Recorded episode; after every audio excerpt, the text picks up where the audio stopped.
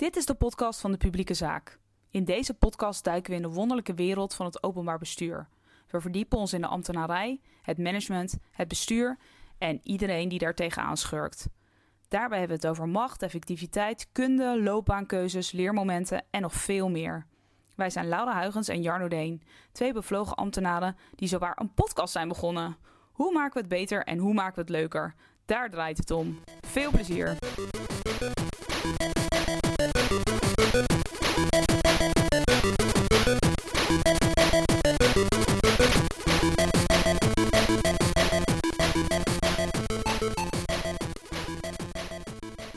Nou, welkom allemaal bij de podca podcast Publiek Werk. We zijn weer terug. We hebben een uitje vandaag, want we zitten vandaag in Rotterdam.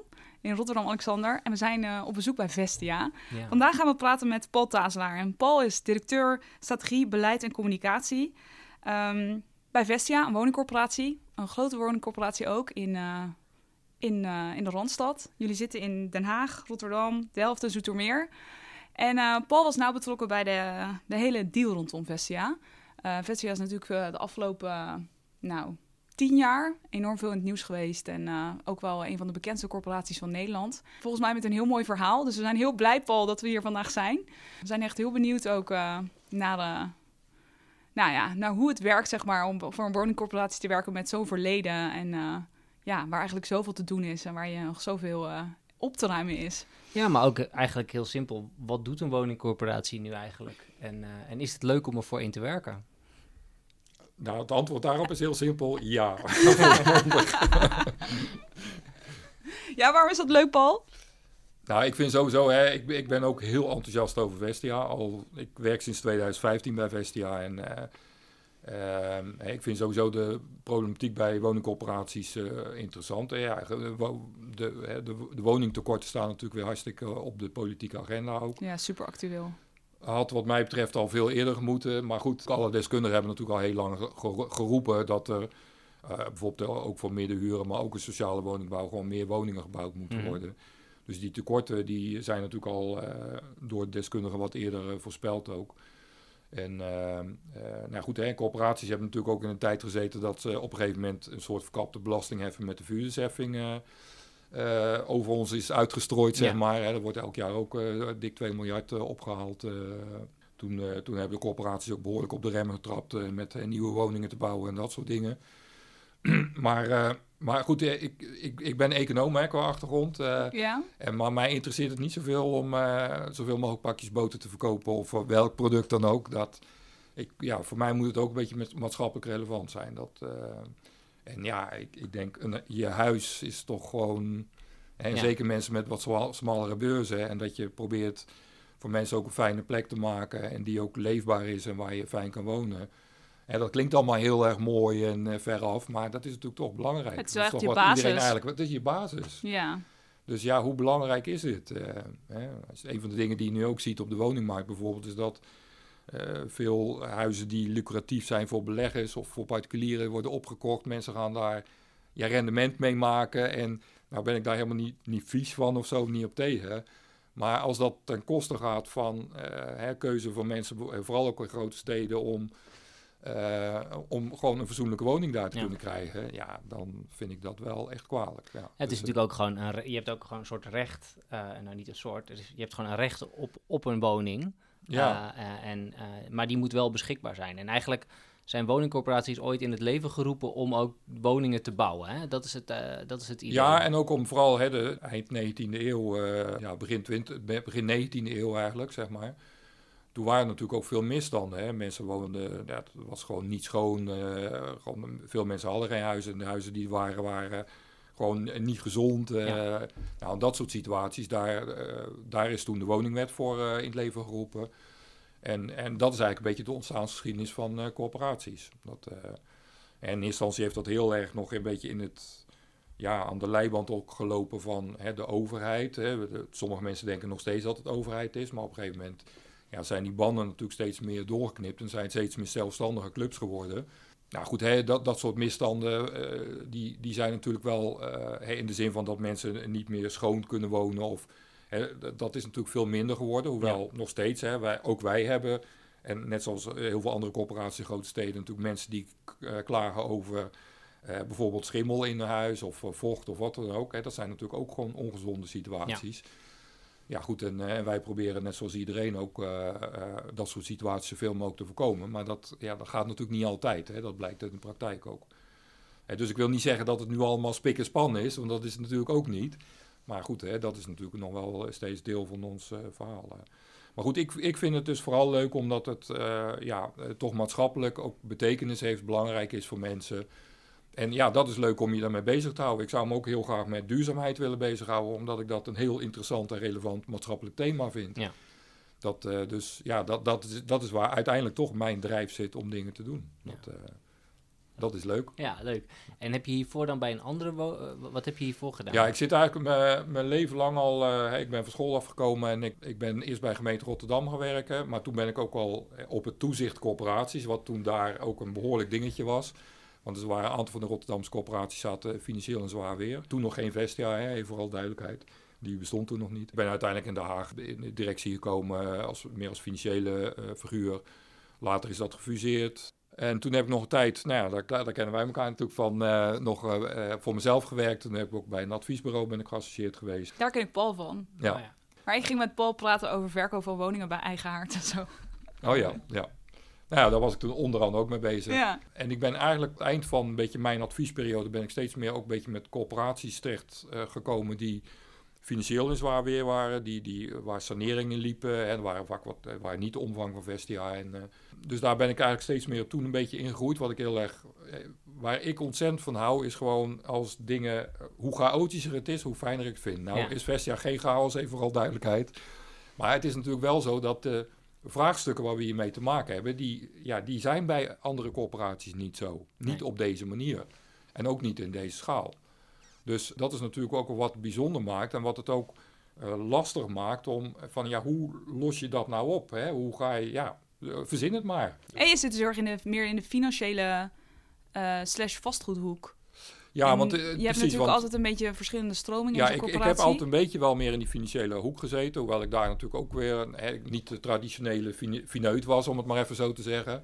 Uh, ik ben, bij Vestia ben ik op een heel andere manier binnengekomen. Daar ben ik helemaal niet als uh, financial binnengekomen. Vestia wilde zeg maar de vastgoedsturing. Hè, dat gaat vooral over ja, welke afwegingen maak je nou in je vastgoed? Hè? Wanneer ga je nou investeren? Wat doe je met je huren? Hoe kleed je het onderhoud op een goede manier in? Dus al die afwegingen die je elke dag eigenlijk ook weer moet maken. Uh, hoe je dat nou op een goede manier en gestructureerde manier doet. En daar hebben natuurlijk vooral, hè, vooral ook even de grote en middelgrote clubs, die hebben daar de afgelopen tien jaar echt wel grote stappen in gezet. Om zeg maar die afweging, om, om dat te verbeteren. En dat is eigenlijk gewoon waar, waar vastgoedsturing over gaat. Hè. Ja. Rekening houden ook met het feit dat we maatschappelijk een doelstelling hebben, volksvestelijk allerlei prestaties moeten leveren. Ja.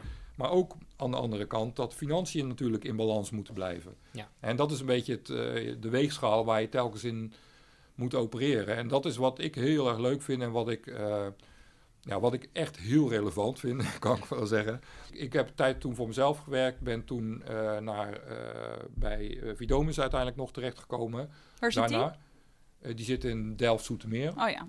En uh, daar ben ik nog uh, een tijdje ook directeur geweest. En ja, eigenlijk bij toeval ben ik, hoorde ik dat er bij Vestia een kwartiermaker werd gestuur, uh, gezocht voor, voor de vastgoedsturing. Dus ja, in eerste instantie had ik zoiets, ja, wat is dat eigenlijk? En, ja, wat is nou goed, een kwartiermaker? Toen heb ik uiteindelijk met twee mensen hier, hè, onder andere met Arjen en, uh, en met Robert Straver, een gesprekje gehad. En jeetje man, ik weet nogal hoe ik daar vandaan kwam. Ik was zo blij. Ik, ik vond die mensen geweldig. En ik vond dat vraagstuk vond ik echt geweldig.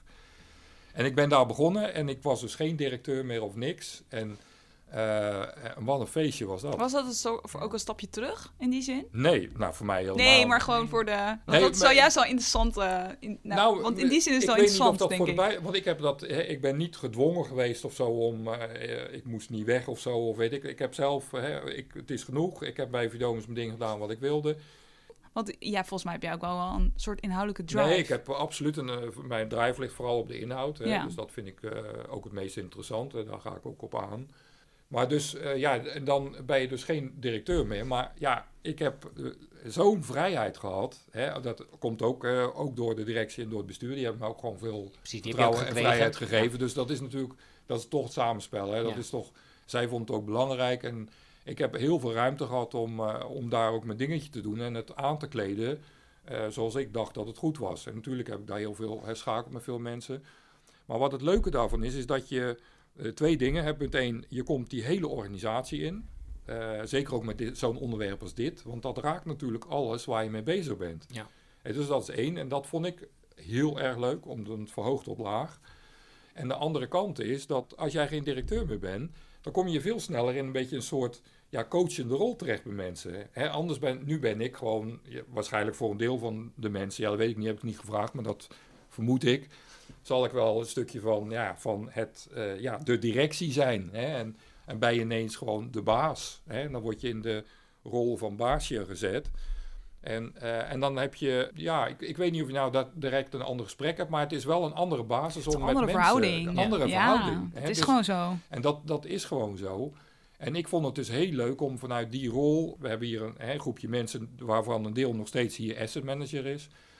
Ja, daar zat een energie in dat clubje. Ja, daar werd iedereen, hè, inclusief mezelf, heel blij van. En er zat ontzettend veel energie in. We hebben ook echt in, in, twee, in twee jaar, drie jaar tijd hebben we ontzettend grote stappen gezet. Ik vond dat werkelijk, eh, ik vond dat echt eh, heel erg leuk om mee te maken. En ook omdat ik heel erg gesteund werd door de top van het bedrijf. Hè, dus dat is sowieso al heel fijn. En als je dan een groep enthousiaste mensen om je heen hebt, ja, dan gaan dingen ook gewoon best wel hard. Ja, dan gaat het ook bijna, bijna vanzelf. Dat is Je heel veel werk. zeg maar. Hard wel, werken, ja, ja. ja. Maar kom je wel in een soort flow met elkaar. Dan kom je in flo- flow met elkaar en dan zie je ook gewoon van, hè, natuurlijk hè, heb ik natuurlijk ook mijn eh, een, een push eraan gegeven om te zorgen dat we staan waar we nu staan. Ja. Maar dat is natuurlijk niet, eh, dat zou natuurlijk onterecht zijn om te doen alsof dat jouw verdienste is. Ja. Hè, Ik heb daar natuurlijk een bijdrage geleverd, maar het is juist ook die groep mensen Maar, want, wa- wat en je, dat is zo mooi. eh. Is dat dan wat, wat je vaak in organisaties ziet als er iets nieuws moet komen? En in dit geval hè, het opbouwen van vastgoedsturing. Eigenlijk zeg je, ja, de directie wil. En, en die heeft ons gesteund, vertrouwen gegeven. Dus dat is een goede randvoorwaarde om stappen te kunnen zetten. En er was een enthousiaste groep mensen. Maar wat je vaak ook, dat, je, dat een deel van de organisatie helemaal niet wil veranderen of dingen anders wil doen. Of was dat bij dit specifieke onderwerp wat Nee, minder het geval? Nou, nou, nou ja, dat, daar, natuurlijk ben ik daar ook wel tegenaan gelopen. Hè. In het begin begin ik daar rond te lopen met, ja, met ook een bak van achtergrond voor mij, even naar de coöperatiewereld. Ja. Want één ding is gewoon, en zo werkt het bij mij in ieder geval heel erg, ik loop ergens rond, ga ergens zitten en ik vind er gelijk ergens wel van.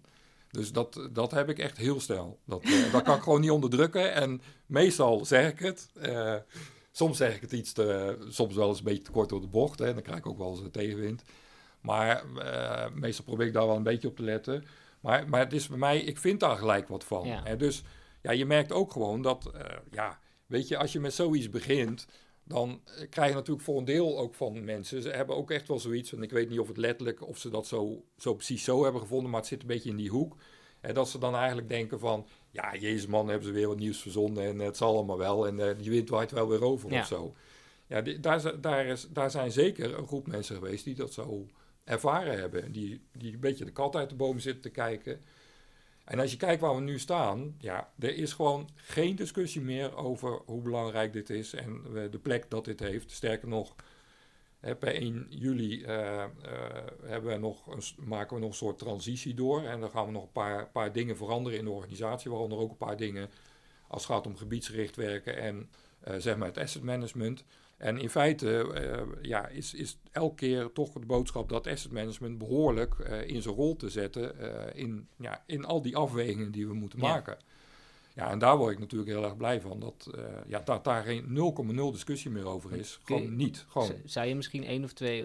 Ik ben zelf overigens, eh, want wij kennen elkaar wat minder goed. Ik ben ook asset manager binnen het waterschap, zeg maar, geweest. oké. Dus ik ken, ik, eh, dus ik ken de... We zijn dus toch collega's. Ja, toch wel, toch wel. Dus ik ken ook de problematiek in die zin wel een beetje van. En, en, en op dingen op een andere manier doen.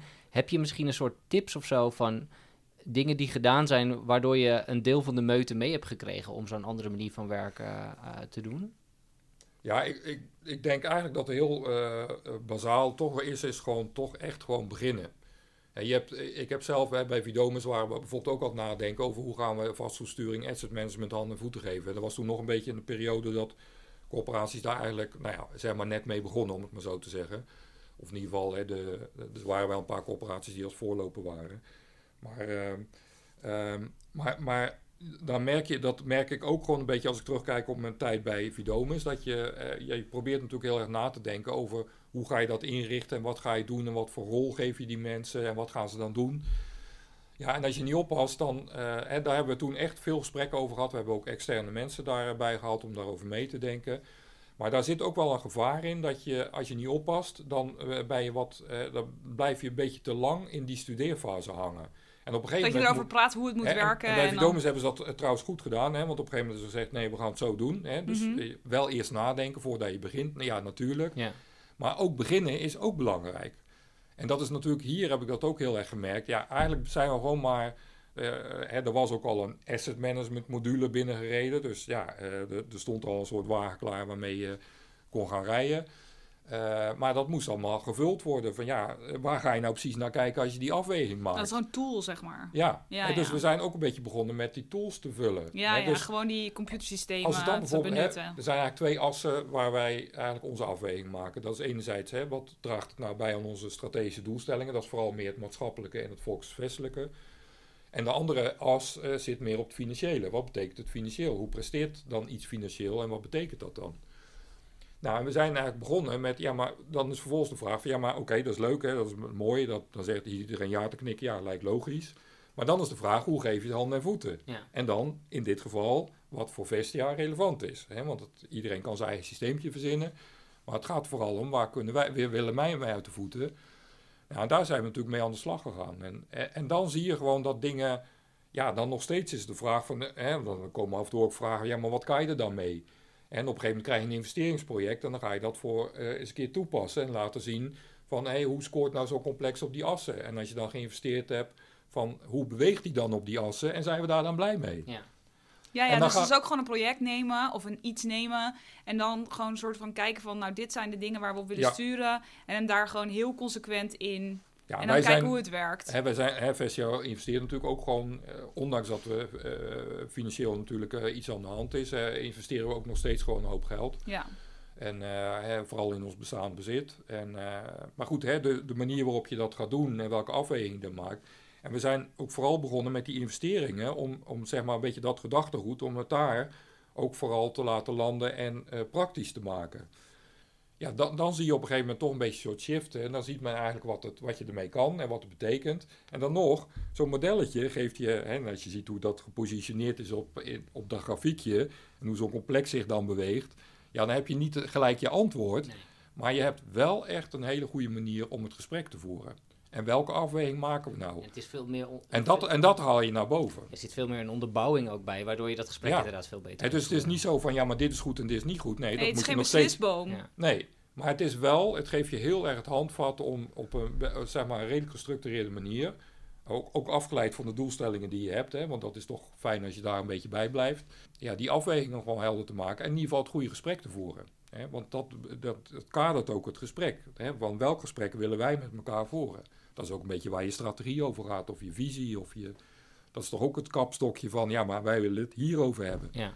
En voor de rest moet je het niet groter maken dan het is. Het is ook maar een verzonnen werkelijkheid. Maar, maar, maar het kadert natuurlijk wel gewoon je organisatie. Ja. En dat is vooral zo belangrijk. Ja.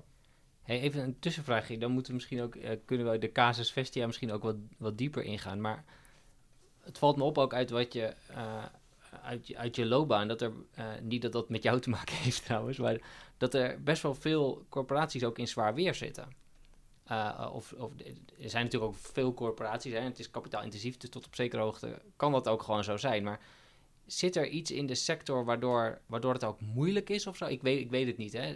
Is dat, zijn, ze, zijn er heel veel slecht geleid? Is er veel met geld geschoven op een bepaald moment, waardoor ze, weet je, waar zit dat in? ja, er zit misschien allemaal wel wat in wat je zegt. Het- laat ik eh, vooropstellen dat eh, de sector een enorme professionaliseringsslag heeft doorgemaakt. Ik, ik, ja, ik zit toch al, ik ben inmiddels 62 en ik zit al vanaf mijn eh, 27, 28 of zo, eh, toch gewoon met die sector te maken. Hè. Dus ik heb dat eh, soms een beetje van de zijlijn en soms er ook middenin, hè, heb ik dat natuurlijk kunnen zien.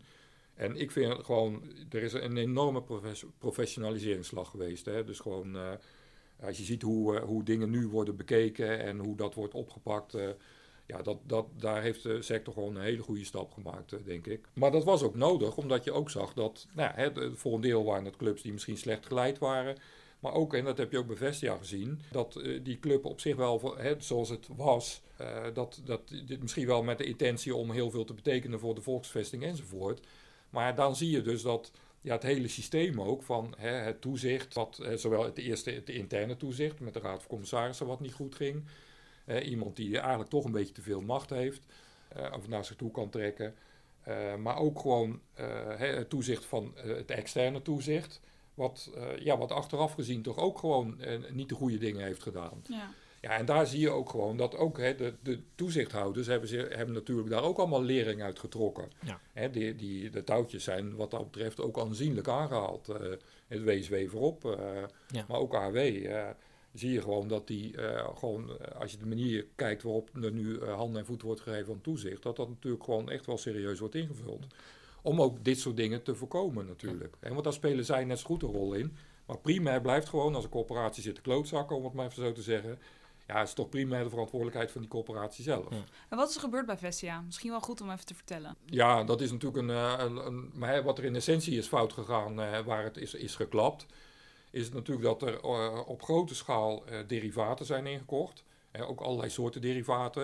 Het is om te beginnen al een fusiecorporatie natuurlijk, toch? Het is een hele... Vestia was sowieso, hè, het was oorspronkelijk, eh, dacht ik, eh, ja, woningbedrijf Den Haag. Eh, toen hebben ze later allerlei, hè, in het Westland hebben ze, zijn, zijn er clubjes bijgekomen. Het was ook gewoon een zijn tijd ook- dat ook heel veel heel groot werden. Want je hebt natuurlijk, dat was volgens mij dezelfde tijd dat Ja, IJmeren en... eh, ja, maar het was al- natuurlijk voor een, heel deel, groot, Ja, hè, dus- groter werden. voor een deel hè, was dat door, door fusie, dat Ja. die clubjes eh, zich aansloten. Maar dat is bijvoorbeeld ook, ik heb bij een clubje gezeten, dat heette toen SGBB.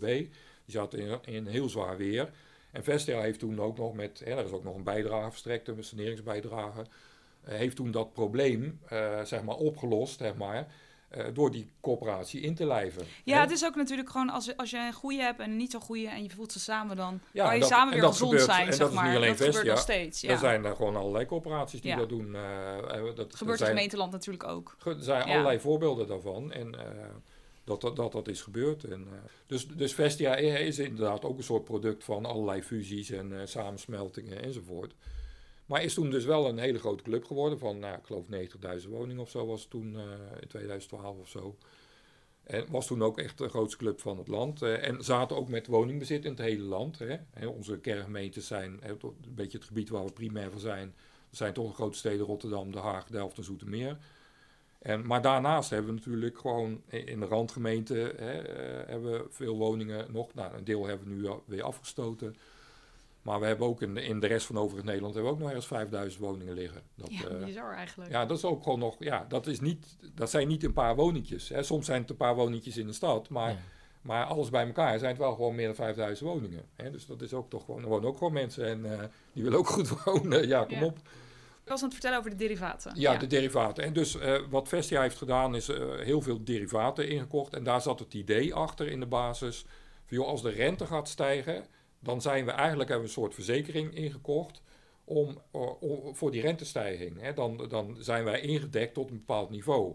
Hè, dus dan, ik, ja, ik noem maar wat, eh, dan ga je nooit meer betalen dan, eh, ik noem maar wat, 4% of zo. Of, Wat, toen- de wat rente toen dan- een heel relevante rente was, ja. nou ja, eh, maar, en wat er dus sindsdien is gebeurd, of wat er eigenlijk, ik weet niet precies wanneer dat is gaan, die rente zo laag is geworden. Dus Vestia had dat op hele grote schaal gedaan. Op een gegeven moment is de rente dus alleen maar gaan zakken. En is ook gewoon tot aan de dag van vandaag laag gebleven. ja. Want daar, dat is waar, nou goed, hè, eh, wat er dan gebeurt hè, met die derivaten, is dat op een gegeven moment zak je onder bepaalde grenzen, of, of boven bepaalde grenzen, net hoe je het wil definiëren.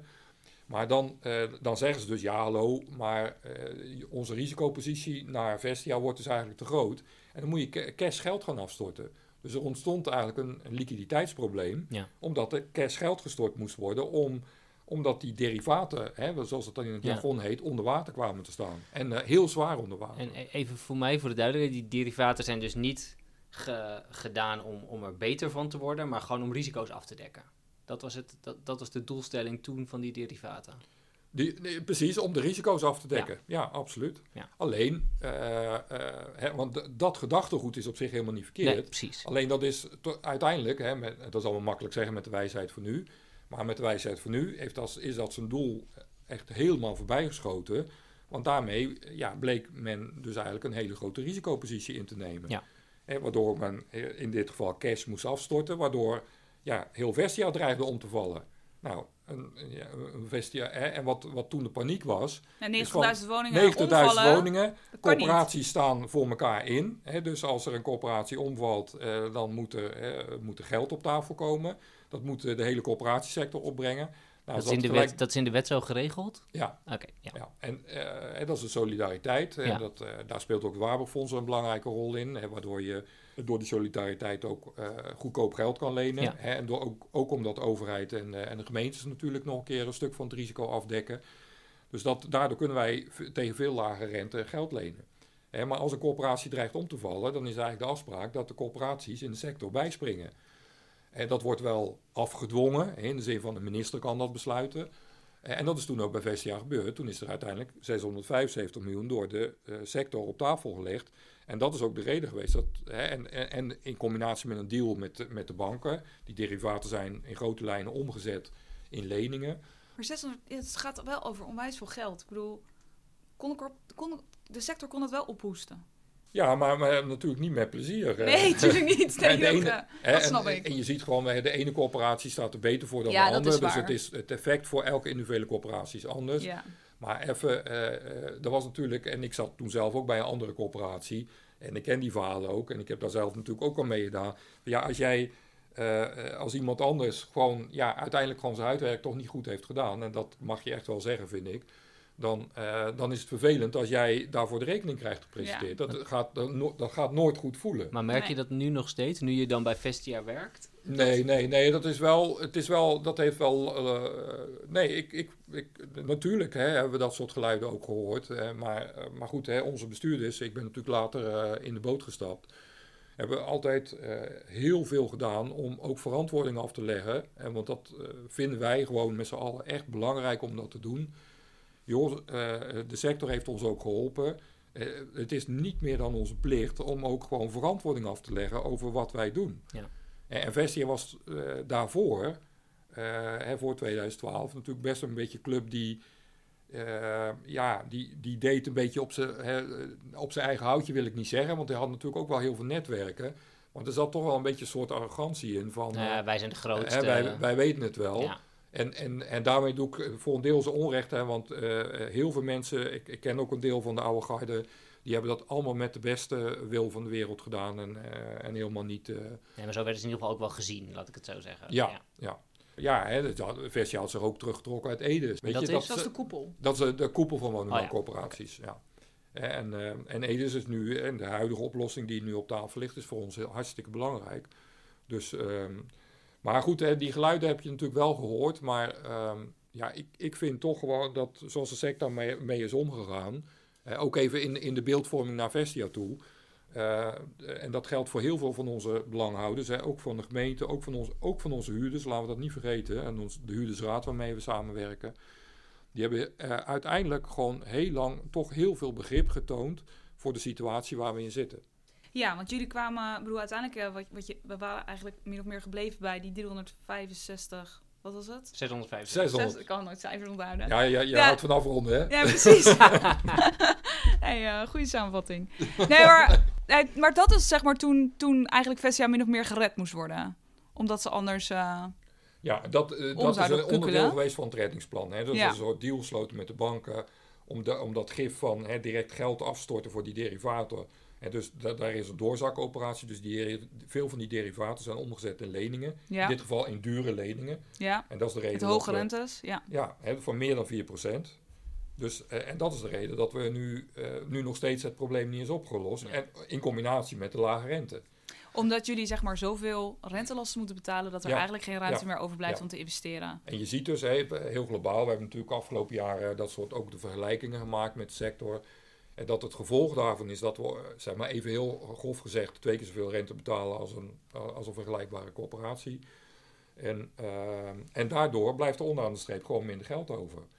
En het tweede is, maar dat zit meer in, dat is financiële ratio's en dat is meer techniek, is dat die, omdat de rente zo laag is en wij heel veel rente op die leningen betalen, eh, zie je ook gewoon dat die, de echte waarde van die leningen niet 4 of 4,5 miljard is, maar is meer dan 10 miljard.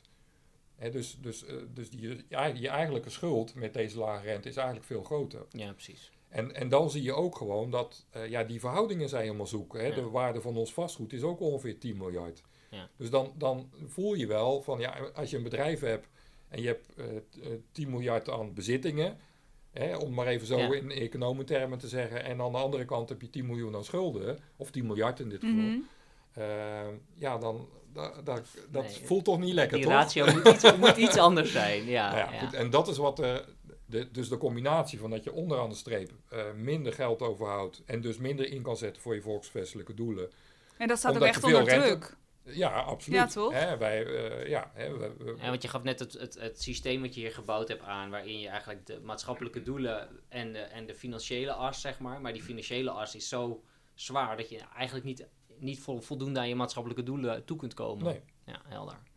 nee, dus wij, hè, wij doen maatschappelijk gezien nog steeds wel heel veel. Hè, we Precies. investeren ook echt nog wel serieuze hoeveelheden geld. En, eh, en we doen dan onderhoud en we proberen onze huren hè, eh, conform de afspraken met de gemeente voldoende woningen betaalbaar te houden. Dat lukt tot nog toe ook. Dat, eh, maar, maar je ziet gewoon dat ja, wij gewoon langs scherpere randjes moeten lopen. Ja. En dat we, nou ja, hè, we hebben recent eh, weer eens de thermometer, een paar jaar terug de thermometer erin gestopt. eh, van joh, waar staan we nu eigenlijk precies met die sanering? Hè? Want 2012 is de sanering gestart. En dan na tien jaar word je geacht weer gezond te zijn. Dus we hebben in 2019 eens gekeken, eh, 18, van waar staan we nou? En dat hebben we ook samen met toezichthouders gedaan. Ja, en, en toen bleek eigenlijk dat het probleem nog steeds niet opgelost is. En, eh, en toen is ook gewoon eh, duidelijk geworden dat we een aantal dingen niet kunnen. Hè. Dus bijvoorbeeld wilden een aantal sloopnieuwbouwprojecten doen in herstructureringsgebieden. Gewoon om die gebieden te verbeteren. Om niet alleen maar dezelfde soort woningen daar Precies. te hebben. Ja, dat, soms is dat ook nodig. Hè. Dat, eh, maar dat, in, voor een aantal projecten konden we dat gewoon eigenlijk niet meer opbrengen, niet meer betalen. En bovendien bleek ook gewoon dat ook nieuw, nieuwe woningen bouwen konden we ook niet meer. Nou, we hebben gehad over de, de tekorten op Ja, de woningmarkt. Ja, het staat nu enorm onder Ja, druk. dan ben je dus een van de grootste gewoon... corporaties in het ja. land en dan kan je je geen nieuwe je woning niks. bouwen. Nee, Ja, Maar- donderop, dat is, dat is natuurlijk nee niet fijn. het is gewoon echt niet ook. Nee, maar het is ook gewoon niet oké. Ook En- maatschappelijk gezien is het dan- gewoon geen goede situatie. Ja, en dan kan je natuurlijk wel begrip blijven vragen bij, aan je wethouders en dan, eh, aan je huurders en noem ze allemaal maar op. Maar als het niet vooruitgang. Maar Nou, jij eigenlijk heb je dus ook. op. Maar eigenlijk heb je dus ook de thermometer ingestoken. En er zit ook niet in die zin verbetering in. En het komt. Nou, we Nou hebben ja, ons het, verbetert ver- heel erg. Er zijn heel Ja. veel verbeteringen doorgevoerd. Maar je kan nog steeds niet, ben je nog steeds niet gezond. En je Maar kunt goed, nog steeds niet. Ja, wij, wij zijn als organisatie gehalveerd. We hebben meer dan 20.000 Ja, ja. woningen verkocht. Dus we hebben heel, heel veel veel gedaan. gedaan. Het is ook heel veel beter geworden, maar het is niet genoeg. Ja. Dus, Dat eh, was de analyse. Ja. En er is dus een, een andere oplossing nodig. En daar ben jij heel erg druk mee geweest de afgelopen tijd.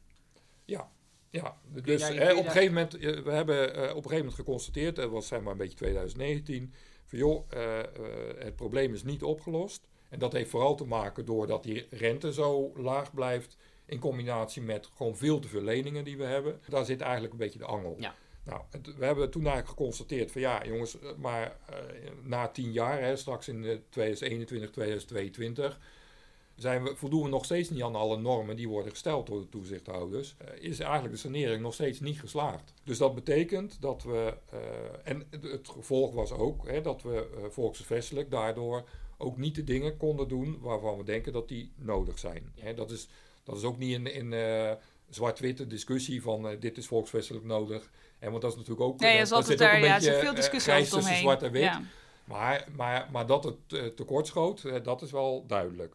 En daar waren, we, daar waren we het allemaal wel over eens. En toen eh, hebben we dus gezegd van ja jongens, maar wij, ja, wij kunnen die rente, ja, kunnen ja, wij kunnen dat niet beïnvloeden. Dus eh, eh, als we hier uit willen komen, hebben we toch echt de hulp nodig. Hè? De hulp nodig van onze collega's in de sector, maar ook van, de, van het WSW, van de Autoriteit Wonen, van, van BZK. Dan moeten we, en, onze huurders, de gemeente, dan moeten we samen een plan gaan smeden. En daar zal eh, eigenlijk iedereen daar op zijn of haar manier een bijdrage aan moeten leveren. Ja. En, dat, en daar zijn we dus eigenlijk direct in 2019, toen we geconstateerd hebben, we kunnen het alleen niet redden, zijn we daarmee begonnen. Wij hebben dat dan zelf hè, onze strategische agenda genoemd. Ik was daar dan programmadirecteur van. Maar we, hebben dus, hè, we zijn dus met een groepje mensen dat gaan eh, uitwerken. En wat daarin wezenlijk is geweest, kijk, als we dat al in ons eentje hadden gedaan, dan hadden we he- heus wel iets verzonnen. Maar dan had er niet dit plan gelegen wat er nu had gelegen. Want de, de grote kracht van dit verhaal, eh, wat er nu op tafel ligt, en de oplossing die echt gedragen is, is dat we echt met onze belangrijke stakeholders eigenlijk aan de slag zijn gegaan zijn gaan praten uh, om deze oplossing te verzinnen en ook wat anderen daarin zouden kunnen bijdragen. dus daarin is het belangrijk geweest natuurlijk dat wij telkens duidelijk hebben gemaakt wat is het probleem, uh, wat kunnen we dan niet. Nou, wat heel belangrijk is geweest daarin is onder andere hè, dat Edes ook daarin ontzettend veel verantwoordelijkheid heeft getoond. Want die hebben op een gegeven moment gezegd Waar jullie uitgestapt waren? Uh, of waar ja, maar daar waren we hè, uh, sinds, de, sinds alle malaise zijn we er weer ingekomen natuurlijk. Omdat we toen ook natuurlijk wel duidelijk was van ja, hallo. Als de sector zo heeft in de buidel heeft getast, kan je ook niet zeggen we blijven dat, dat, dat zou je ook niet kunnen maken. En dat moet je ook gewoon niet willen. Dat is gewoon, dat is ook een verkeerd signaal, vind, vind ik. Hè. Dat, daar kan ik heel duidelijk in zijn. En dat blijkt nu ook wel, want we hebben die, die hulp van die collega's nu is ook gewoon essentieel om er ook gewoon weer uit te komen. Uh, maar goed, in ieder geval, de, de, de EDES heeft er ook een commissie in het leven gesteld. En die zijn dus ook, daar zijn we mee in gesprek gegaan, want die hebben ook de opdracht gekregen om, uh, om toch na te denken over ja, hoe kunnen we dit probleem van Vestia oplossen. Want, binnen de sector. Binnen de met elkaar dus. Ja, ja, met elkaar. En want, want de sector heeft hier ook last van. Hè. Sowieso dat je volksvestelijk onderpresteert, dat, hè, dat heeft ook effect op onze collega's. Alleen al die directe collega's waarmee we in Rotterdam, Den Haag enzovoort zitten. En die hebben er ook last van. Die zien ook gewoon dat we op bepaalde terreinen toch uh, even niet thuisgeven. Uh, en daar hebben zij ook last van. Daar hebben de gemeente ook last van uh, voorop natuurlijk. Maar wat ook nog een, een, een, behoorlijk, en dat is natuurlijk, daar, daarom is de rol van ook het WSW heel erg belangrijk geweest. Kijk, ook voor het WSW zijn wij een heel groot risico. Maar dat is ook een risico wat voor de hele sector dan geldt. Want er is een borgstelsel. Hè, als er een corporatie in problemen komt, uh, dan wordt de sector aangesproken en dan kan eventueel als achtervang, heet dat dan zo mooi, gemeente en rijk worden aangesproken. En uh, daar worden allerlei risicoberekeningen gemaakt. Hè. Dat is, heeft ook te maken met de rating van het WSW. En in feite, en ook met de afspraken die met gemeente en rijk zijn gemaakt, dat het risico natuurlijk niet te hoog mag worden. Nou, in feite is alleen al door de invloed van Vestia, omdat we zo groot zijn, zoveel ja, leningen hebben en er eigenlijk zo slecht voor staan, Heeft een enorme dat impact. wij een enorme impact hebben op dat hele risicoprofiel. Nou, wat daardoor dreigde, is dat eigenlijk niet meer wordt voldaan aan alle verwachtingen die er zijn van, uh, van ja, alle partijen die naar het WSW zitten te kijken, zeg maar. En die die risico's beoordelen. En, uh, uh, en daardoor dreigt eigenlijk, als je dit niet zou oplossen, ook een situatie te ontstaan dat eigenlijk het hele borgstelsel op slot komt te staan. Want de, de, WSW, is, is dat waarborgfonds voor de... Kun je, kun je de afkorting even kort toelichten, wat de WSW Ja, waarborgfonds sociale woningbouw, hè, dat is eigenlijk opgericht om... Uh, om, om de, de, de geldgevers, hè, de banken die geld geven, die, die krijgen gewoon de garantie dat ze renteaflossing altijd krijgen terugbetaald. En daarachter zit dus gewoon, hè, het WSW heeft zelf wat financiële middelen, reserves opgebouwd. Als dat niet genoeg is, dan moeten de corporaties inspringen. Ja. daar zijn ook allerlei afspraken over gemaakt. En als dat nog niet genoeg is, dan gaan Rijk en gemeente staan nog eens een keer als achtervang. Nou, als je dat als bank krijgt, ja, dan weet je eigenlijk altijd wel dat je je geld terugkrijgt. Ja. Nou, het effect daarvan is dat je heel goedkoop kan lenen. Ja, nee, dat, ja maar het risico is dus dat als het risicoprofiel omhoog, of hè, als je meer risico gaat lopen, dan krijg je gewoon minder gunstige leningen, of krijg je minder, heb je minder financieringsruimte, dat soort dingen. Nou ja, het punt is dus dat men wil dus voorkomen, hè, uh, ook gemeente en uh, Rijk, maar ook de corporatiesector, iedereen wil voorkomen natuurlijk dat er een corporatie in problemen ontstaat en dat er een beroep moet worden gedaan op die solidariteit. Ja, ja dat wil niemand. Dat is toch niet lekker. Nee. Dat, uh, en, en, en, uh, en in dat systeem zie je ook dat uh, ook Vestia heel erg knelt. Hè, dat is eigenlijk de situatie nog van vandaag. Dat we uh, een hele negatieve invloed hebben op dat hele risicoprofiel. Precies. En daardoor dreigt eigenlijk dat hele stelsel een beetje op slot te komen. Als je dat niet gaat oplossen. Dus Vestia heeft zelf problemen. Daar hebben de collega's ook last van. Plus het hele waarborgfondssysteem heeft er ook enorm last van. Dus er is ook wel een soort gedeelde uh, gedeeld belang om het op te lossen. Ja, er is wel een incentive, ja. ja. Maar hoe zijn jullie... naar? want uh, aan de andere kant is het toch voornamelijk jullie probleem geweest. En je zei ook van ja, we zijn ook naar buiten gegaan om met mensen te praten. Ben je als het ware met een leeg papiertje naar buiten gegaan? Van dit is ons probleem, help ons mee met de oplossing? Of hadden jullie al wel een soort richting bedacht? Nee, dat, dat, is namelijk het, het, mooie van dit hele traject, vind ik. Uh, en natuurlijk waren er wat, wat ideeën, verkenningsrichtingen. Natuurlijk, hè, daar waren we zelf ook mee bezig. Maar we zijn dus, eh, als je kijkt ook naar de oplossing die nu op tafel ligt, wat, eh, dan, dan is dit dus echt een optelsom van hè, bijvoorbeeld die adviescommissie heeft een aantal hele goede suggesties gedaan van jongens, dit moeten we zo gaan bekijken. Hè, en eh, eh, eh, ehm, dit, dit moeten we zo gaan bekijken. En dat is dus ook onderdeel geworden van die oplossing. Ook het WSW heeft daar een aantal suggesties gedaan. En die we uiteindelijk gewoon nu in die oplossing zitten. En dat geldt ook voor, voor andere partijen. Is dat, eh, ja, we hebben natuurlijk heel erg zitten zoeken. We hebben ook heel veel varianten op tafel gehad. Ontzettend veel. Eh, maar die zoektocht heeft ertoe geleid eh, dat, nou, je legt dat dan bij andere partijen op tafel, hè, zo'n adviescommissie of bij het WSW of met gemeentes hebben we ook nog natuurlijk wel gesproken, met onze huurdersraad hebben we ook gesproken. Dat, je krijgt daar dus dingen in terug en dat zet dan weer iets in gang, waardoor je denkt van ja, maar dit is niet handig. Of dit moeten we anders doen. Of je krijgt de suggestie van joh, ga het nou zo benaderen. Dus het idee is steeds beter geworden. Het, en dat is echt, en, dat, en ik geloof echt niet dat wij dat zelf in ons eentje hadden kunnen verzinnen. Nee. Daar geloof ik helemaal niks van. Dat, Ja, maar dat- het is in die zin echt een prachtig product van samenwerking. Ja. En van ook van een proces waar je de hele tijd soort van allerlei spannend, suggesties hè? ophaalt Ja. en dat weer samenbrengt en Ja. trechtert. En, eh, Want Ja. het is, het is eh, want eh, we zitten nu, het is eh, eh, eind mei. eh, ehm, ergens in juni, eh, nou daar kun je misschien zo, zoiets over vertellen. Maar het, is, eh, dus het ziet er nu heel goed uit. Dus de lichten eh, lijken allemaal op groen te staan. Nou ja, er ligt in ieder geval hè, er ligt een oplossing. We zijn die oplossing hebben we nu verder uitgewerkt. En nu moeten partijen gaan besluiten hè, of ze op basis van die uitwerking er voldoende vertrouwen in hebben dat dit dus ook echt tot de oplossing leidt die het belooft te zijn. Ja. Ja. Hè, en, dat, en dat is nu een beetje de fase waar we in zitten. Dat, dat gaan we nu afwachten. Daar gaat in ju- juni of juli verwachten we daar, daar eh, iedereen eh, gewoon ja, eh, dat we daar gezamenlijk een besluit over gaan nemen. Eh, En dat besluit is dan een soort bestuurlijk, een bestuurlijk akkoord. een soort ja. bestuurlijk akkoord zou je kunnen zeggen. Ja, Ja. Tussen een aantal belangrijke partijen. En hè, ook partijen die een bijdrage moeten leveren aan dit geheel of die het moeten steunen. En, eh, en als, als daar de lichten op groen gaan, ja, dan gaan we het ook echt uitvoeren.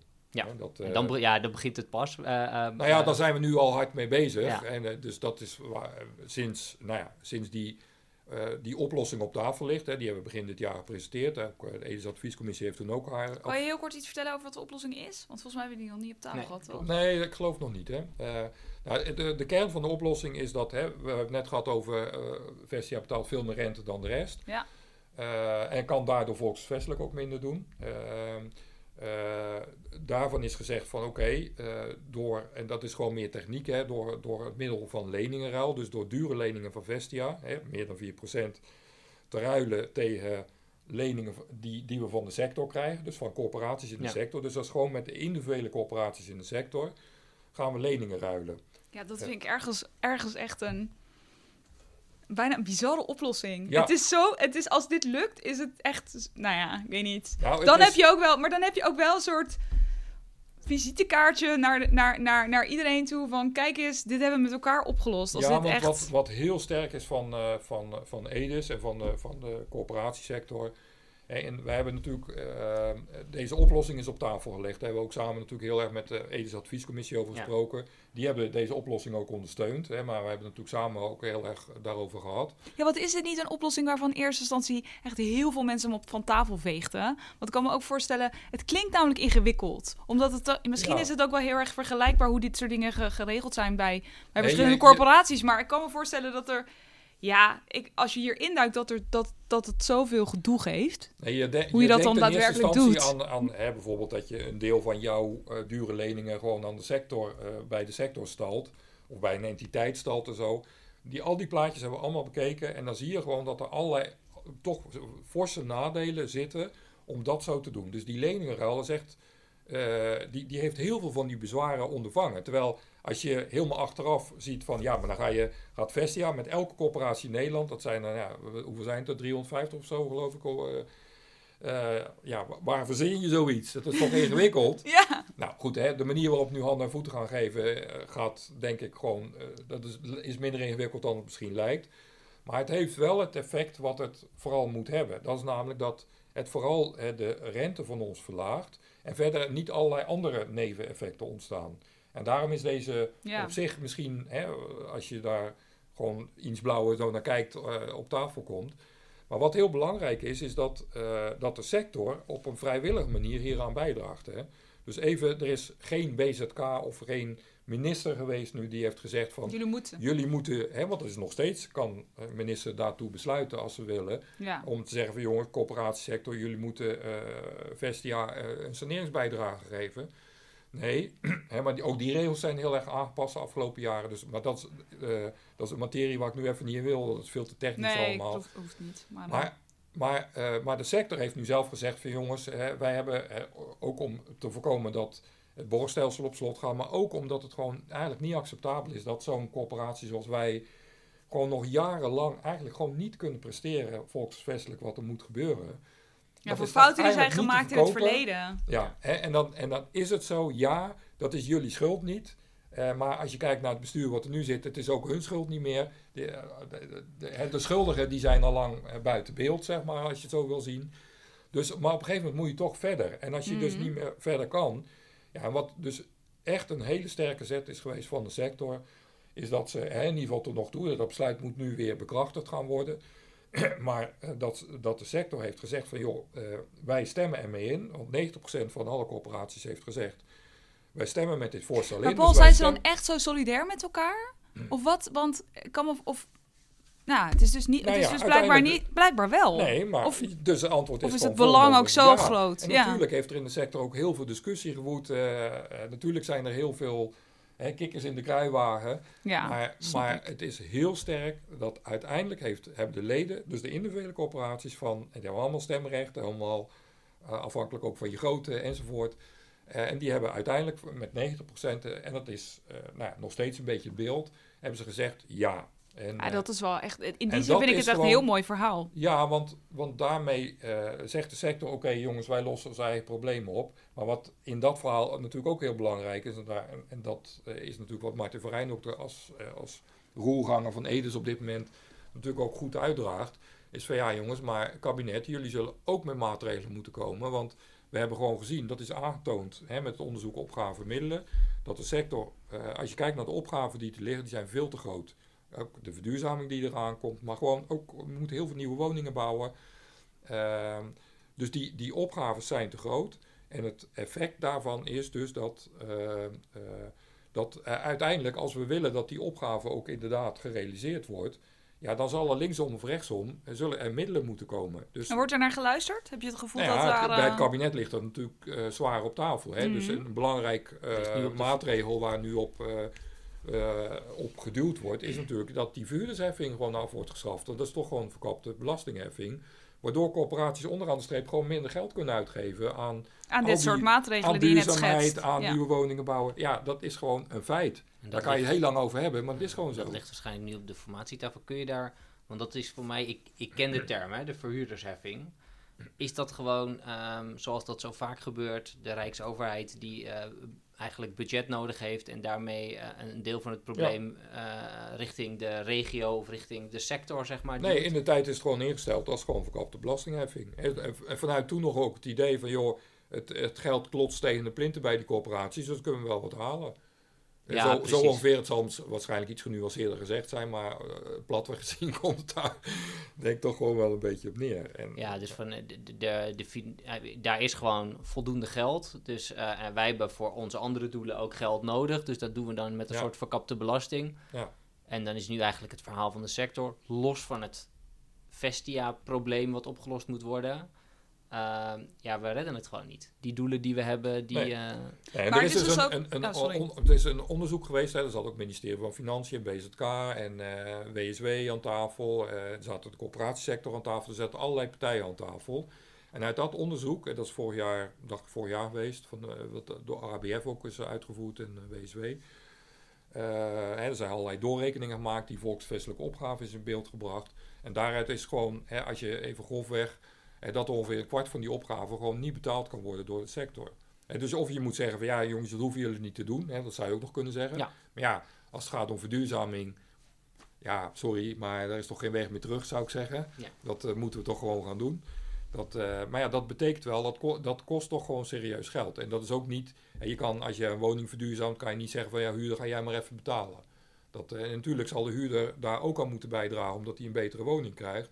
Maar je kan die rekening ook niet zomaar even bij de huurders neerleggen. Nee. Dat, Nee. eh, want we hebben ook nog een doelstelling om woningen betaalbaar te houden. Mhm. En eh, ja, dat is toch per slot van rekening waarvoor we in het leven zijn. geroepen. Maar is de hele Vestia-deal dan ook... eh, want jij schetst ook een beetje zo van... Het is ook wel van... Kijk eens, we lossen het voor een deel zelf op. Hè? Dit grote Ja. probleem ruimen we in principe met elkaar uit de weg. Ja, Maar, weet je al, ook gewoon... Maar, maar corporaties en, en Den Haag is toch ook altijd een beetje... hier en daar een lastige... een lastige... Nou ja, die verhuurdersheffing heeft, heeft Ja, allemaal maar niet kijk, echt goed gedaan, zeg hebben maar. het- we hebben- de corporatiesector heeft natuurlijk eh, in de politiek gewoon een tijdje ontzettend slecht opgestaan. Ja. Eh, dat, eh, en zeker ook hè, door dit soort dingen als Vestia. Er zijn natuurlijk wel meer corporaties geweest waar, waar allemaal dingen naar buiten zijn gekomen. En de Maseratis. Ja, de Maseratis, nou ja, je kent ze allemaal, die Ja. boot. En dat zijn een Ja. beetje het gebruikelijke rijtje Ja. dat je dan te horen krijgt. En, dat, daar heeft, eh, en, en, de sec, en, en gewoon die corporaties hebben ook gewoon zich vergalopeerd aan dingen. En dat is ook gewoon, daar ga ik ook niet goed zitten praten. En dat is gewoon ook niet oké. Maar die hele, daardoor zie je toch ook wel een beetje dat die, eh, en, dat is niet de enige reden misschien, maar, maar die hele sector is daardoor toch een beetje in het verdomhoekje komen te staan, ook bij de politiek. Waar ze, doen, ze doen de verkeerde dingen of ze, ze zijn ook te veel in koopwoningen gegaan of, eh, of allerlei andere exoten en weet ik het allemaal wat. Ja, weet je, en dat is natuurlijk gewoon niet terecht. Hè? Ik bedoel, eh, het Nee. grootste deel van die corporaties, met alle respect, dat kan je toch zelf ook wel beredeneren. Die zijn gewoon eh, zorgen dat ze die woningen goed houden, dat die wijken goed blijven, dat die woningen betaalbaar blijven voor, eh, voor de mensen die het gewoon minder kunnen leiden. Dat is gewoon waar die corporaties elke dag mee bezig zijn. En dat waren ze tien jaar geleden ook. Is de, Dus, is, eh, is de koepel dan ook druk bezig geweest met een soort imago? Ja, ik zeggen, een soort de- Ook Eders heeft, vind ik, een, eh, eh, voor zover ik dat kan beoordelen, ook echt een goede stap gemaakt door, door, door ook, hè, ze zijn ook in Den Haag gaan zitten, hun hoofdkantoor. Eh, dat is ook, ook niet voor niks, om- omdat ze natuurlijk nadrukkelijker ook het hele lobbycircuit naar de politiek zijn gaan opzetten. Ja. En je ziet gewoon dat ze daar veel beter met hun tengels in zitten. Dus ik vind ook echt gewoon dat, eh, ik heb vroeger ook echt best wel eens kritisch geweest hoor, naar, naar Edus. Maar, maar eh, ik heb echt, ik, ja, en dat is niet alleen omdat men nu eh, ook ons helpt, hè, dat, want dat, dat vind ik te makkelijk. Maar ik, vind echt, ik heb echt respect voor zoals zij nu in de wedstrijd zitten. Ja, het is wel wat. Je hoort, je hoort wel eens, weet je wel, van oh, de Martin van Rijn die gaat dan even een klusje doen. die zit dan bij zijn koepelorganisatie. Maar ik denk dat als ik jou zo een beetje tussen de regels door beluister, heeft het ook echt enorme toegevoegde waarde om iemand met de juiste connecties te hebben die zo'n die zo'n koepelorganisatie ook kan verkopen. Omdat dit wel de beslissingen zijn die, het, eh, die beïnvloed moeten Ja, worden. als je het een beetje formeel zegt, hij is natuurlijk gewoon een zeer ervaren bestuurder. Hij, Ja. hij kent zijn, eh, hij weet gewoon wat hij moet doen. En, eh, en hij, is ook, hij is ook niet vreemd met dit onderwerp. Uit het verleden heeft hij natuurlijk vanuit zijn achtergrond hier ook al dingen mee gedaan. En, en dit is natuurlijk ook politiek gezien, hè, het hele woningmarktvraagstuk, staat politiek hartstikke op de agenda. Maar heb je dan, dit is een beetje een lastige vraag, maar hè, wat je nu ook ziet in de, bij de Rijksoverheid, eh, met de, de kinderopvangtoeslag en de, weet je, eh, het feit eigenlijk dat er politiek ook wel eens keuzes worden gemaakt die heel erg ten nadele zijn van de, van de bewoners. Ja. Eh, en, dat, en dat je kunt tot op zekere hoogte zeggen, niemand heeft schuld. Nou, daar ben ik niet helemaal van, want er is altijd iedereen, het is, maar het is eerder een soort collectieve schuld. Iedereen heeft ergens wel een keer iets niet goed gedaan. Maar dat is deels ook wel aan de politiek te wijten, omdat ze te veel willen, dan weer het ene willen, dan weer het andere willen. Is dat in de woningbouwsector eigenlijk ook dat... dat, Nou ja, je ziet gewoon, en maar dat vind ik ook te makkelijk om daar de politiek de schuld van te geven. Je ziet gewoon, dat, dat is wat ik eh,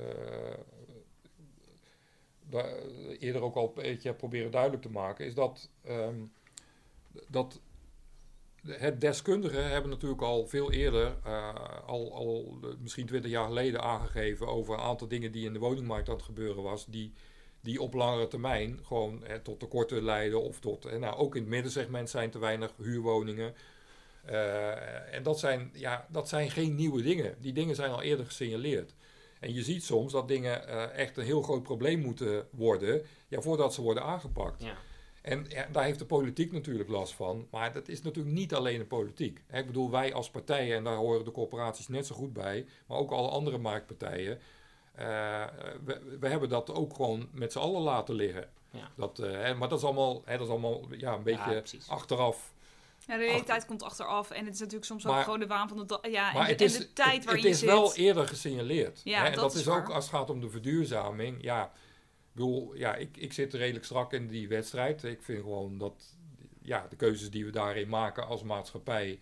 Hè, je ziet dat daar nu een soort kentering aan het komen is. Maar we hebben die verduurzaming hè, en of zeg maar het verwaarlozen daarvan, hebben we natuurlijk ook heel lang laten doorgaan. Er is natuurlijk al heel lang gewaarschuwd. Ja, nu, nu toevallig Shell. Uh, uh, met die uitspraken waar ik op zich... Mijn vrouw heeft dat ook gesteund, dus uh, wij waren thuis heel blij.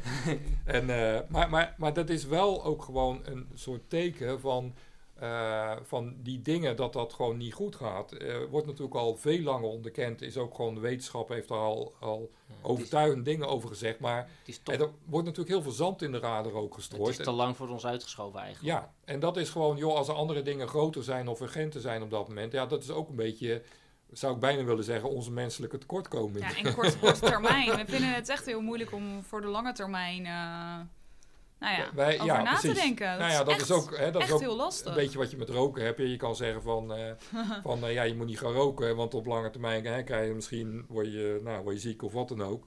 En, uh, maar ja, goed, als je nu op korte termijn dan lekker kan eten of lekker kan roken, ja, dan zie je toch dat veel mensen daarvoor ja. kiezen. Dus dat is toch een beetje een dingetje wat ook echt wel in de mens zit. Maar het is, ehm, ja, ik, ik vind wel dat je daar kritisch op moet blijven. Denk je dan dat, dat zo'n... Um zo'n tool die jullie dan nu hier hebben ingericht, hè, waarin je ook die, die doelen wat meer centraal stelt en ook de effecten op de doelen van de keuzes die je maakt. Denk je dat dat, dat, dat in die zin ook wel helpt om die langere termijn beter in beeld te krijgen van een organisatie? Ja, dat, dat denk ik wel. Ja. Dat, uh, want nee, natuurlijk, hè, dit soort dingen beginnen ook met gewoon uh, voor de lange termijn. Hè, je hebt dan een visie en heb je wat dan in het jargon heet een mooie portefeuille-strategie. Maar daar ga je ook gewoon neerzetten van hoe, wat zijn eigenlijk de vraagstukken die moeten worden opgelost in jouw woningbestand? Hè? Wat voor soort woningen moet je hebben? Wat voor prijzen moeten die hebben? Wat voor kwaliteiten moeten die hebben? En, en, en daar ga je een stip op de horizon zetten. En natuurlijk moet je dat eens in zoveel jaar weer bijstellen, dat snap ik wel. Maar dat is wel echt vooruitkijken. En, dat en die doelen, die vertalen zich gewoon eh, concreet in... als jij een investeringsvoorstel doet, draagt dat dan bij aan deze doelen. Ja. Dus dat, het, ja, dat lijkt allemaal een hele grote afstand, maar dat is het helemaal niet. Hè? Als je dan ziet dat, dan zie je ook dat zo'n, uh, uh, als je daar een invulling geeft, hè, dat, dat het goed scoort in wat wij dan noemen portefeuillescores. Ja, en als het goed scoort in je portefeuillescores, dan zie je ook gewoon dat, dat het een argument is om dat voorstel nou juist wel te doen. Ja. Dat is geen garantie dat ook gebeurt, ja, maar... Ja, want heb je ook... wel dat zo werkt het wel. Dat vind ik het, het meest vind ik zelf een van de grootste, uh, in, of een van de leukste dingen misschien ook om aan te werken, is dat feit van, hè, je hebt die strategie, je hebt die doelen en dat moet je vertalen naar maatregelen. Maar om het dan ook vertaald te krijgen naar uh, nee, uh, hoe ik een woningcorporatie ken. Ik heb in, uh, in Enschede gewoond. Um, Domein. bij Domein, inderdaad. en ehm, nou ja, weet je, op een gegeven moment komt er iemand het hekje, zeg maar, vernieuwen of zo. Ik zeg maar, of je, of je cv-ketel is stuk. en dat en die mensen op de werkvloer, die echt zeg maar sleutelen aan, uh, aan die huizen, dat die ook die doelen, dat zij snappen wat hun bijdrage aan die doelen is. Ja. En dat als zij ook met een suggestie komen om het anders te doen, dat je dat ook weer zou kunnen terugvertalen. Ja, dat...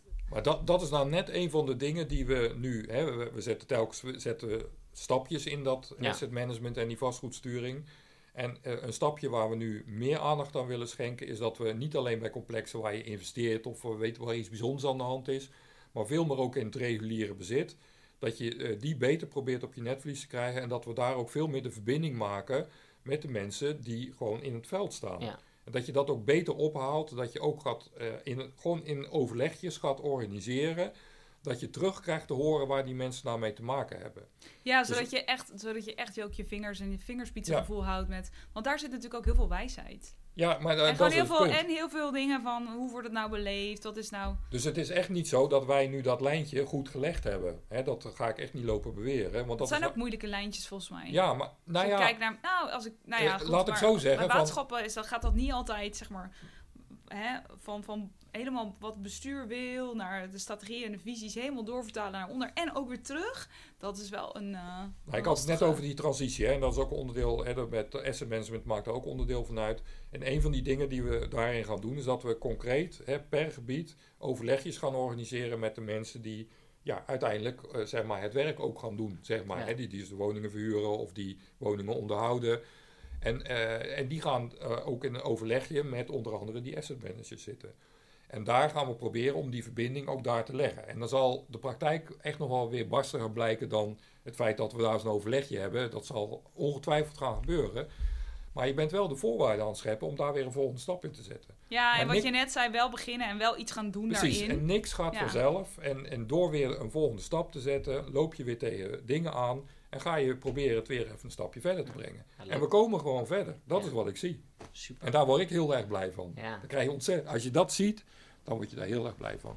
Dat vind ik zelf de- eigenlijk eh, helemaal eens. En de- als, je, als je die beweging ziet en ook dat het de goede kant op gaat, want die twee dingen zijn wel lekker, als het ook nog de goede, dat is echt fijn, omdat Ja, eh, het ook een soort loon naar werk is. Hey, ik, ik zat met, eh, want we hebben het nu over die Vestia deal voor een deel gehad en voor, vooral over de derivatenoplossing.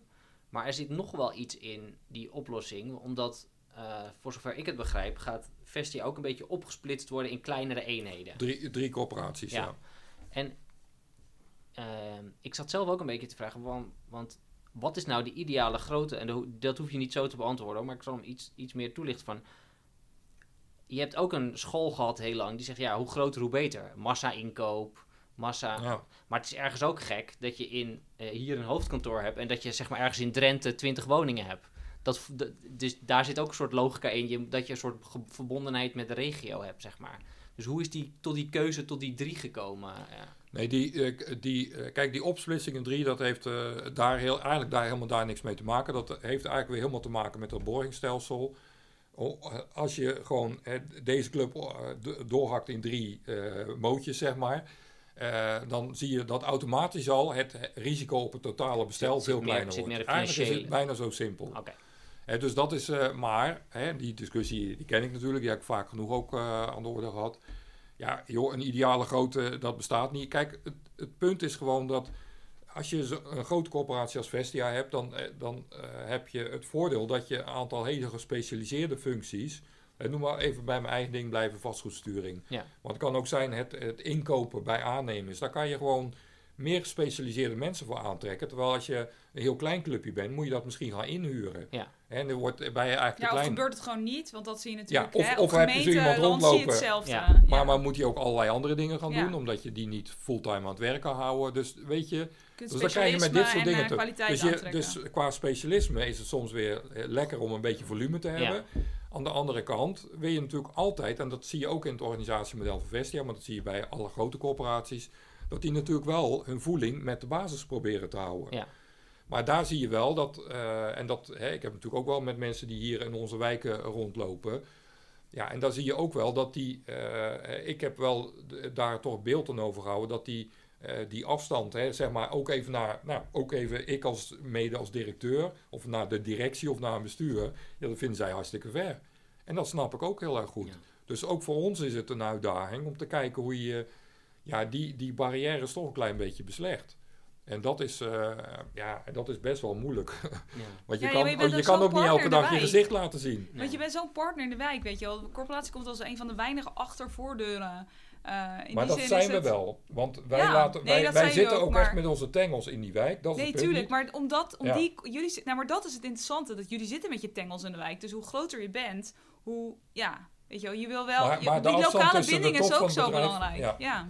En ook de top van het bedrijf, eh, eh, die moet ook gewoon voeling houden met, eh, met onderop. En onderop moet ook voeling houden met, met, ja, met het, de rest van het bedrijf. Dat moet ook niet loszingen. Nee, maar dat is zo interessant als je, als je nee, maar daar wonen is natuurlijk ook heel erg, het is zo dicht bij mensen dat je ook heel erg, weet je, wijken hebben een cultuur en steden hebben een cultuur en je bent natuurlijk ook heel erg als corporatie zit dat, zit dat dus ook, Ja. zit, zit je daar heel dicht op. Ja. Dus ik kan me voorstellen dat dat ook echt heel belangrijk is. Maar doe je daar, want dat weet ik gewoon niet, doe je daar dan ook iets mee? Of is het toch gewoon eerder, ehm, eh, ja, we hebben gewoon stenen en we hebben uh, en, en, uh, en wij afschrijvingstermijnen. Nee, want wij hebben eh, eh, gewoon een niet onbelangrijk deel als je kijkt naar ons personeelsbestand. En dan vraag me niet naar aantallen, want die weet ik niet uit mijn hoofd. Maar, eh, maar er zijn echt heel veel mensen die, die zitten bijvoorbeeld in het wijk- en complexbeheer. Dus er zijn mensen die gewoon elke dag, en, en dat meen ik ook echt, elke dag gewoon in die wijken rondlopen. Hè? Ook mensen aanspreken, ook mensen in de complex aanspreken. Soms ook eh, gewoon eh, helpen bij vragen van eh, huurders of wat dan ook.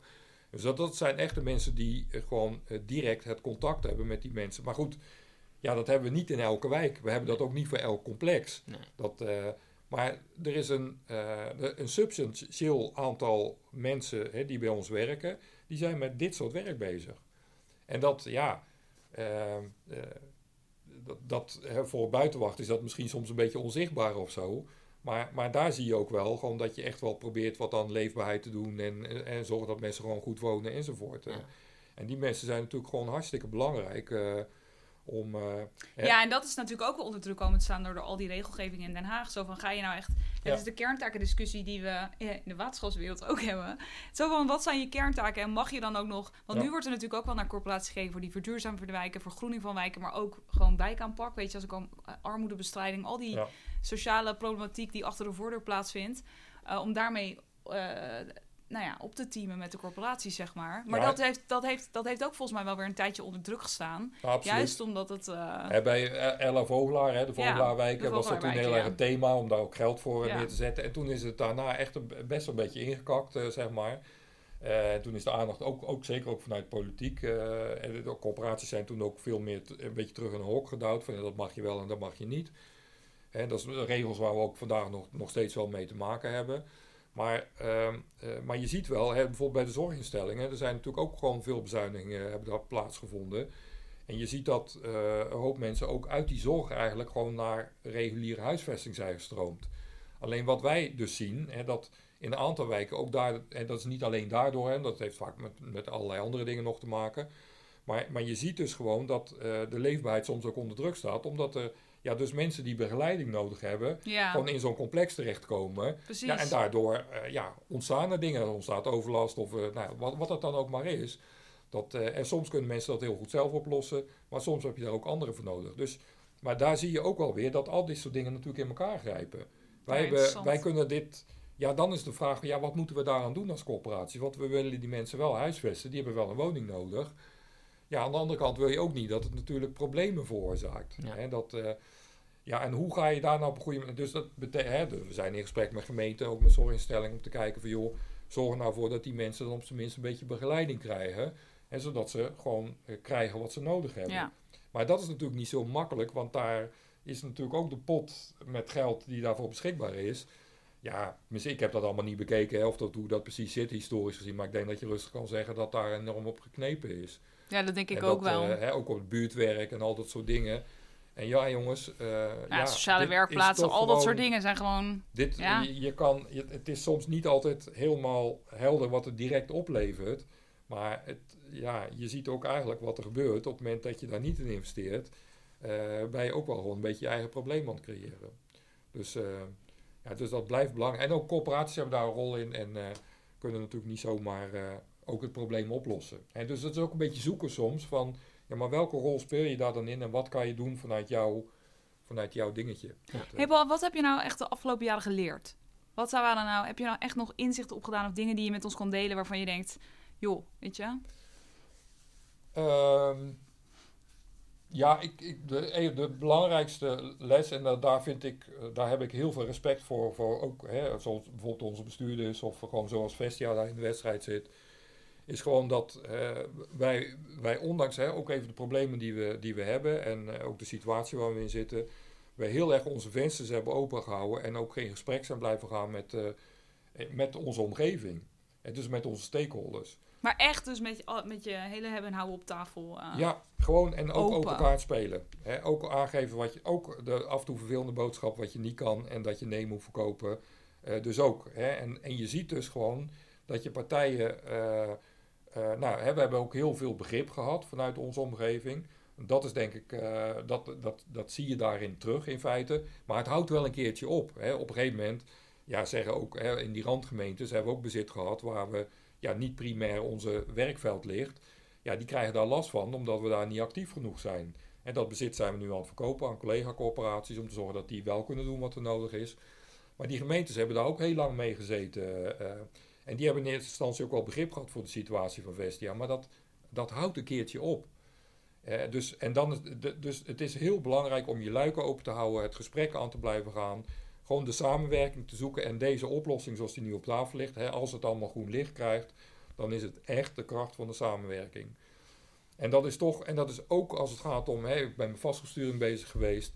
Nou ja, het is hè, belangrijk natuurlijk dat je een beetje idee hebt wat je wil. Hè, dus dat hè, je ook wel een beetje weet zelf eh, wat je wil. Ik ben zelf iemand die heel veel energie krijgt van al dat soort dingen. Dus dat straal ik ook uit. Dus dat helpt ook, hoop ik. Dat, eh, maar het blijft ook wel hè, je luiken open houden, gesprek gaan met mensen en, eh, en, en, en gewoon dingen gaan doen. Dat, eh, en eigenlijk is het zo simpel. ja, het is zo simpel. Ja. Dankjewel. We hebben altijd nog één slotvraag. Ja, dat, dat, dat is een grote vraag. eh, die ook een, een, een groot antwoord soms nodig heeft, maar soms ook een kleine. Ehm, wat zie je eigenlijk als de grootste opgave voor het publieke bestel, het, eh, de, de publieke zaak de komende tijd? Ja, eh, hoe organiseren we de verbinding met, eh, met onze burgers, zeg maar? Ja, ik vind burger een verschrikkelijk woord, maar Ja. ik heb geen... Heb je een beter woord? Nee, maar ik heb een keer iemand gehad die in een lezing dan elke keer de burger en dan deed hij. Dus tegenwoordig eh, heb ik ook altijd de neiging dat te doen. Oh, een zo, burger is ja. een burger. Ja, maar de, ja. Nee, ja, maar dat is toch eigenlijk bij al die instituties, hoe hou je je verbinding met je omgeving? Hoe zorg je ook dat mensen ook toch een beetje het idee hebben dat ze toch gewoon eh, ook zelf iets aan dingen kunnen doen?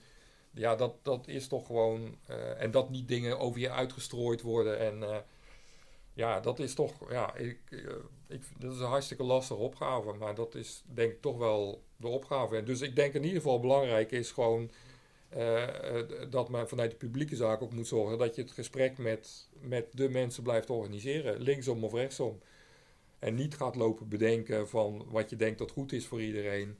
Eh, en vervolgens aan iedereen gaan zitten vertellen van nou, zo gaan we doen. Ja. En eh, ik denk dat dat niet goed is. Dus ja, dat blijft de opgave wat mij Ja. betreft. Dankjewel. En als laatste zou ik nog willen zeggen, eh, eh, dat is toch, dat vinden, want dat is toch een belangrijk, maar goed, dat is misschien een beetje politieke kleur. Dat eh, is toch, we, we moeten iets doen aan ongelijkheid in onze wereld. Ja, ook in Nederland is die ongelijkheid echt aan het groeien. Dat wordt elk jaar door onderzoeken aangetoond. Dat is ook echt een splijtsplan in onze samenleving. Dus los van het feit dat je dat gesprek moet aangaan, is het ook heel belangrijk om iets aan die ongelijkheid te doen. En eh, ja, helaas zie ik daar gewoon veel te weinig aandacht voor. Dat, eh, en eh, ja, daar gaan we problemen mee krijgen als we dat laten lopen. Dat, en dat is weer lange termijn. Ja, dat, dat zal dan wel zo zijn, maar daar gaan we echt last van krijgen. Ja, ja, ja ik, dat ben ik wel met je eens. Ja, ik ook hoor. Baart me zorgen. Ik denk dat, dat, dat, dat je dat nu in de samenleving ook steeds al meer ziet. eh, dat, die on- dat die ja. ongelijkheid groeit je- en, en hoeveel last je daarvan hebt. Als je je ogen open houdt, dan zie je het gewoon. Hè? En de corona, dat is natuurlijk ook het verhaal wat af en toe in de pers ook wel komt. eh hè, versterkt dit, Ja. soort ongelijkheid natuurlijk ook. Hè? Dat, dat zie Dat je ook gewoon gebeuren.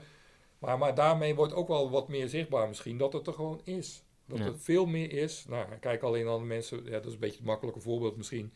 Maar de mensen die dan hè, van de voedselbanken gebruik maken, kom op jongens. Die, die, die groepen zijn gewoon groeiende.